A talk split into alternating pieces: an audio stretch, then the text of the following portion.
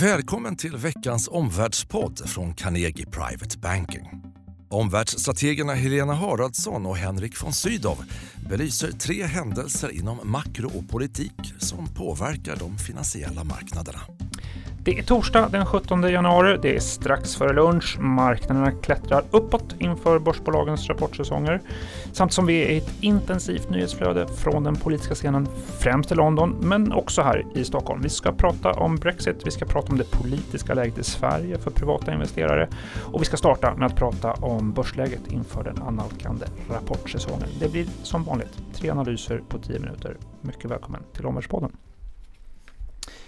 Eh, året, har, Helena, året har ju startat med ett eh, gladare börshumör än det som vi avslutade det förra året med. Eh, hur skulle du beskriva marknadsläget? Att det verkligen är skönt med lite respit ja. från den här börsnervositeten.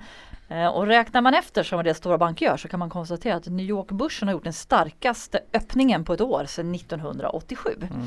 Hittills i år så är både USA men också världsindex och tillväxtmarknaden upp ungefär 6% faktiskt i kronor. Det är ju helt fantastiskt. Sverige och Europa lite svagare upp 4. Eh, Gummisnoden var hårt spänd i december. Stort fall på kort tid som vi sa i förra podden bäddar ibland för en rekyl. Och rekylen börjar faktiskt på julafton. Mm. Dagen efter, den 25 december. Och sen dess är USA-börsen upp 11 procent. Mm, alltså tvåsiffrigt. Rätt kraftig rekyl. Eh, en förklaring är också att vinstförväntningar från analytikerna de har kommit ner ganska ordentligt. Samtidigt då som vi fått ganska få vinstvarningar. Mm. Och, och, varför har börserna eh, stigit efter nyår? Vad, vad har drivit detta? Vad är din förklaring? Ja, dels det där som förväntningarna och vinstvarningarna men makro är alltjämt svagt då, då, Det kan man väl påminna om. Vi fick en ganska färsk rapport från USA igår som heter Beige Book som visar att bolagen är oroliga. Men det som varit positivt, du var själv inne på politik, förhoppningar om ett handelsavtal. Trump för att börsen har skakat och Xi för att ekonomin är svag. Så viljan finns där. Men börsen har börjat prisa in det här så nu blir detaljerna avgörande. Eh, blir ett avtal som kommer så positivt att det minskar osäkerheten bland bolagen så de törs handla och investera igen. Och nu pratar du om handelsavtalet. Handelsavtalet, ja. precis. Men tidpunkt och innehåll, vi har inga signaler kring det. Och du nämnde ju så bra förra podden Henrik att det är takten som blir avgörande. Nästa möte. När mm. sker möten på högre nivå? Sen vill jag väl tillägga då att observera att tech är fortfarande en het potatis. Det. Eh, det blåser kring Huawei och ZT hela tiden. Också hot om tullar mot Europas bilindustri, det kvarstår. Det kan hända att vi vill använda det för att pressa Europa att importera mer amerikanska jordbruksprodukter. Mm. Om du tittar, trots allt då, med undantag av det här med biltullar mm. som ju är en kraftig smäll får man säga mm. mot marknaden. Utöver handelsoptimismen, vad har mer funnits i marknaden? Ja, jag skulle peka på tre saker. Det är rapportsäsongen i USA. Eh, den har börjat starkt, framförallt inom bank. Eh, man brukar ju för sig överraska analytikernas förväntningar men man har överraskat lite mer än vanligt. Men kom ihåg, vi är i början. Det är inte många bolag som har rapporterat om de 500 stora. Kina har presenterat ytterligare stimulanser. De har säkert inte tömt allt krut men det här kan ju gynna då förutom Kina även tillväxtmarknader. Precis som den här pausen i dollaruppgången har gjort och många tror på en svagare dollar så det har gynnat de marknaderna. Sen några bolag, det är en observation, de har varit försiktigare i sina framtidsutsikter. Ändå har aktien inte fallit och i vissa fall stigit. Det är någonting som är värt att följa framöver. Din eh, slutsats över marknadsläget?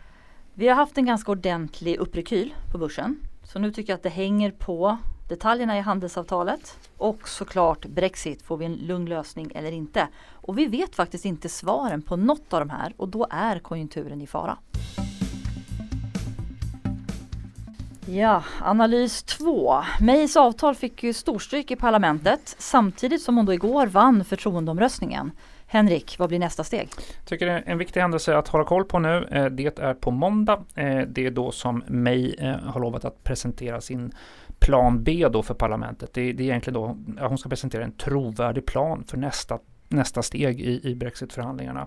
Eh, hon träffar idag och säkert imorgon också seniora företrädare då för, för alla partierna i det brittiska underhuset för att då söka ut det som är hennes stora problem som hon inte kommer runt. Att det finns just nu inte någon majoritet för någon form av hur Brexit faktiskt ska genomföras.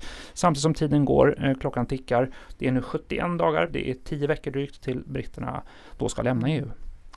Det låter ju svårt. Många olika alternativ på bordet samtidigt som inte majoritet för någonting alls i parlamentet. Vad är det värsta scenariot för marknaden Henrik? Det mest besvärliga eh, scenariot för den finansiella marknaden och för börsen i Europa det, det är ja, tveklöst ett avtalslöst utträde. Marknaden har varit inställda på en osäkerhet och en turbulens i London de här veckorna. Samtidigt så är ju ett avtalslöst utträde inte inprisat eh, i börserna eller marknaderna. Vad, vad är sannolikheten för det här? Eh, ja, det är absolut mer än noll. Det är kanske till och med mer än 20 procent. Vi rullar mot det varje dag så att säga, så att in, investerare kan inte ignorera risken. Eh, samtidigt så finns det också en, en, en mer sannolik framtid i Brexit-dramat att, att, att, faktiskt mm. tro på. Men om vi pratar värsta scenariot då, det är lite roligare. Vad är det bästa scenariot? Ja, då kommer vi in på det. Det, det är sannolikt att britterna eh, vill skjuta upp Brexit, alltså flytta fram utträdesdatumet. Man kommer be om mer tid för förhandlingar och att EU också då ger sig med på detta under förutsättning att det finns en trovärdig karta, en process som ändå är på väg att, att leda någonstans. Det är lite utmanande, det är inte helt säkert, men, men det ligger i eh, eh dynamiken just nu. Ehm, till det här kan man också säga att ett sånt här besked om mer tid kan också då förenas med en önskan från en möjlig majoritet i parlamentet att röra sig mot ett mjukare Brexit där Storbritannien är kvar i EUs tullunion. Ehm, det, är någonting att ehm, från ett marknadsperspektiv faktiskt hoppas på. Då. Hur, hur lång blir tiden för fortsatta förhandlingar? Det är också centralt uppgifter här, spekulationer är ju att det kan handla allt om någon månad. Det är ju snart val till Europaparlamentet mm. i slutet på maj. Då ska ju britterna vara ute. Samtidigt som det var en uppgift igår kväll från The Guardian eh, som har varit en, det kan vara en indikation om att EU förbereder en förlängning i, mm. i tid fram till 2020, eh, alltså ett år. Eh, frågan är förstås vad den här tiden ska användas till. Öppnar detta för möjligheter till en folkomröstning eller extraval etc. Mycket osäkerhet eh, ska man säga är inprisat. Samtidigt så är det också det positiva. Får vi mer klarhet så kan det vara positivt för investerarsentimentet. Det kan också vara positivt för europeiska börser. Vi hoppas på ett sådant besked de, de, de närmaste mm. veckorna. Och till sist då Henrik, vilka signaler är det investerarna ska titta på framåt? Eh, som jag var inne på, beskedet från mig på måndag blev viktigt. Vad är planen framåt? Jag tycker också det är intressant att titta på, håller mig kontrollen i det här? Eh, har de fortsatt den legitimitet trots att de vann förtroendeomröstningen? Eh, har de fortsatt kontroll över detta? Mm. Eller ja, eh, processen får ja. inte kollapsa nu. En kort slutsats om utfall och risker? Ja, det, det är sannolikt att Brexit kommer skjutas upp. Eh, samtidigt, high, både High Stake Poker och Chicken Race i London, investerare kan inte ignorera risken för ett avtalslöst utträde. Ja Henrik, den tredje analysen. Om vi rör oss från London till Stockholm. Bara tio minuters promenad härifrån i riksdagshuset så har vi fått besked om både statsminister, regeringskonstellation och politisk plattform. Om vi börjar med ett allmänt omdöme, vad betyder det här nya politiska läget för privata investerare? Ja, det är ett speciellt läge. Det är en S-ledd regering med stöd av C och L. Samtidigt är det en M och KD-formulerad budget som nu har trätt i kraft. Vi har också haft mm. ett stora, många maktskiften i kommuner och landsting runt om i Sverige. Det är inte oväsentligt i sammanhanget.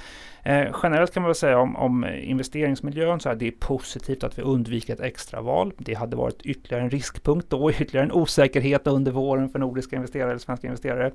Eh, plus ska också sägas att de risker som privata investerare levde med förra cykeln, vinstförbudet, latent hot om eh, ny förmögenhetsskatt och höjda ägarskatter, de har eh, faktiskt gått ner.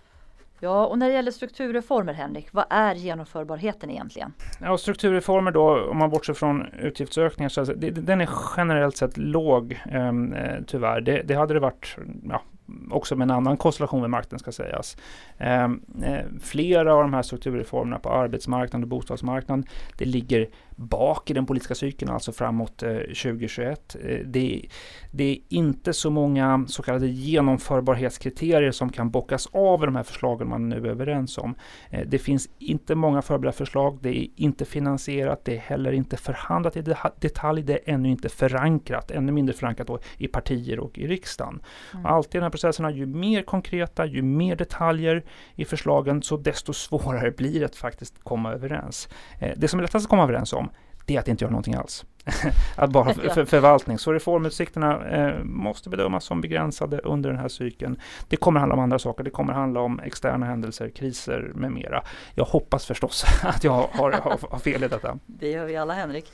Men för investerare, vad är det de ska hålla koll på? Vad är viktigast? Skatt, naturligtvis skattesituationens förskjutning. Om det är så att värnskatten faktiskt då genomförs från ett år, det är ju en tidsatt reform, så jag skulle ändå vara vaksam faktiskt på om det här medför höjda kapitalskatter eller möjligen Ehm, eh, en, en progressiv eh, fastighetsavgift, fastighetsskatt för att åstadkomma en fördelningspolitisk acceptans. Kolla på formerna för eh, skattesamtal eller en stor skatte, skattereform, det, det blir viktigt på samma sätt som kolla på formerna för för eh, möjliga bostadsreformer i, i detta.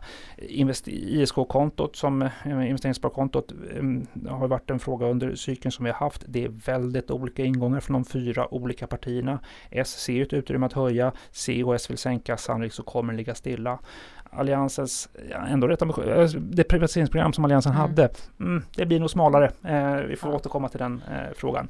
Fler frågor att följa, men det här är något skissartat och snabbt. Ja, vad blir den korta slutsatsen då kring svensk politik för investerare? Ja, ändå, det är färre politiska risker för privata investerare, det är mer expansiv finanspolitik att vänta och samtidigt fortsatt begränsade reformutsikter. Veckans tre slutsatser då är 1. Börsen har redan stigit på handelsavtal. Nu är det fokus på detaljer och vilken brexitlösning vi får. 2. Det är mer sannolikt att Brexit skjuts upp. Samtidigt, se upp. No deal finns fortfarande på bordet. 3. Ny regeringskonstellation och färre politiska risker i Sverige. Håll utkik på vår sajt carnegie.se. Nästa vecka så lägger vi ut filmer med presentationer från vårt nyhetsseminarium eh, Investeringsåret 2019. Titta på våra analytikers bedömningar, till exempel vad avser verkstadssektorn och fastighetssektorn framåt. På torsdag, ny upplaga av Omvärldspodden. Välkomna att lyssna då. Tack för att du har lyssnat på Omvärldspodden från Carnegie Private Banking. Vill du veta mer om vad som händer i vår omvärld och få aktuella idéer till affärer? Gå då in på www.carnegie.se veckans viktigaste och prenumerera på vårt nyhetsbrev.